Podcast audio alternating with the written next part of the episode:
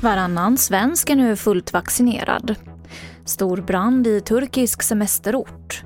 Och kapslar med gurkmeja och ingefära återkallas. TV4-nyheterna börjar med att idag så har varannan vuxen svensk fått två sprutor coronavaccin.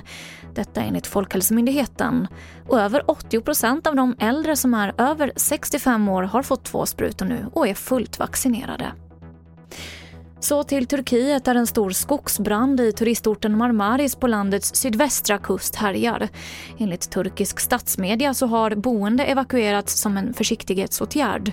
Tre personer har omkommit och över 122 har skadats i samband med en brand nära Antalya.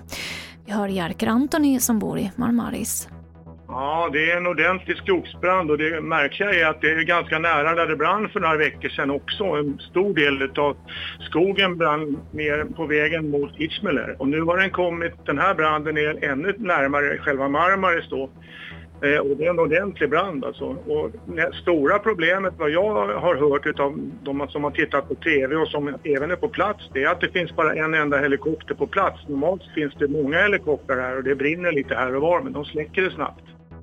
Ensamstående föräldrar är den grupp som drabbats ekonomiskt hårdast av pandemin. Det här visar en rapport från Kronofogden. Detta kan innebära att sommarlovet blir ett orosmoment när semesterveckor och resurser inte går ihop. Men på ett kollo utanför Norrtälje så får ensamstående föräldrar och barn en chans att umgås och vila upp sig. Att det här finns är guld värt. Det ges verkligen tillfälle att umgås med sitt barn samtidigt som man har möjligheten att umgås med andra i samma situation. Och i inslaget så hörde vi kollodeltagaren Sanna Wiström.